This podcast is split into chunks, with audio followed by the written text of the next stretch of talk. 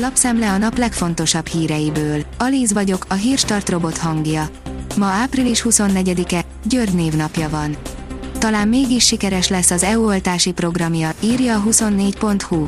Korábban szinte lehetetlennek tűnt, hogy a nyár elejére tényleg be tudják oltani az unió felnőtt lakosságának 70%-át, de most egyre több tagállamban tartják ezt a tempót.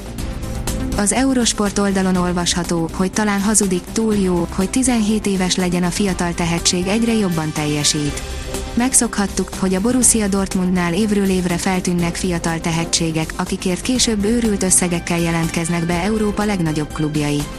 Tavaly főleg Sancho, idén Haaland került ebből a szempontból a figyelem középpontjába, az utóbbi hetekben viszont a 17 éves Jude Bellingham is egyre meggyőzőbb teljesítménnyel rukkol elő.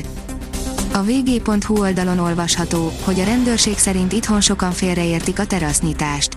A rendőrség továbbra is ellenőrizni fogja a védelmi intézkedések betartását, az arányosság elve mentén szankcionálni fogják a szabálytalankodókat. A hiradó.hu szerint újabb megye áll Láder János és felesége kezdeményezése mellé. Somogy megyét különösen súlyosan érintette a koronavírus járvány harmadik hulláma, több mint 20 kiskorú gyermek vesztette el valamelyik szülőjét. A 168.hu oldalon olvasható, hogy megtalálták a szerdán eltűnt indonéz tengeralattjárót.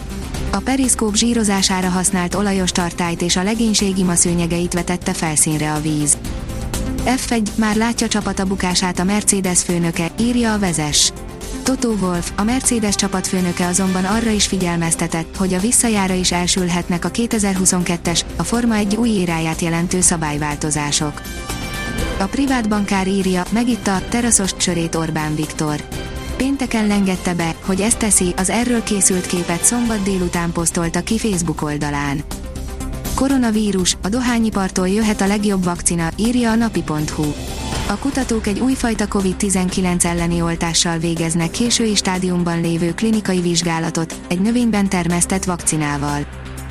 Az ATV kérdezi, valóban több áldozata van Magyarországon a koronavírus járványnak, mint a többi uniós országban.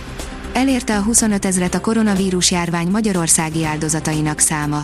Az ellenzék kitűzte a fekete zászlót a parlamentőr. A Központi Statisztikai Hivatal számításai szerint azonban uniós átlagon aluli volt a többlethalálozás. A kitekintő oldalon olvasható, hogy a halálozáson kívül már javulnak a magyar járványmutatók. Lassan ugyan, de javulnak a járványmutatók Magyarországon, a kórházi ápolásra szorulók száma esett vissza a leglátványosabban. A napi halálozási adat viszont továbbra is 200 felett van, a lélegeztetőgépen lévők száma pedig ennek ellenére is csak napi 30-40 fővel csökken. Monspart soroltával a magyar tömegsport legnagyobb alakja távozott közülünk, írja az Eurosport. A futó legenda 76 éves korában, hosszantartó betegség után hunyt el. Szinte bármelyik nap leszakadhat az ég a jövő héten, írja a kiderül. A következő napokban ismét változékonyabbra fordul időjárásunk, szinte bármikor kialakulhat zápor, zivatar. A hőmérséklet továbbra is az április végén szokásos alatt alakul. A Hírstart friss lapszemléjét hallotta. Ha még több hírt szeretne hallani, kérjük, látogassa meg a podcast.hírstart.hu oldalunkat, vagy keressen minket a Spotify csatornánkon. Az elhangzott hírek teljes terjedelemben elérhetőek weboldalunkon is. Ha weboldalunkon hallgat minket, az egyel korábbi adás lejátszása automatikusan elindul.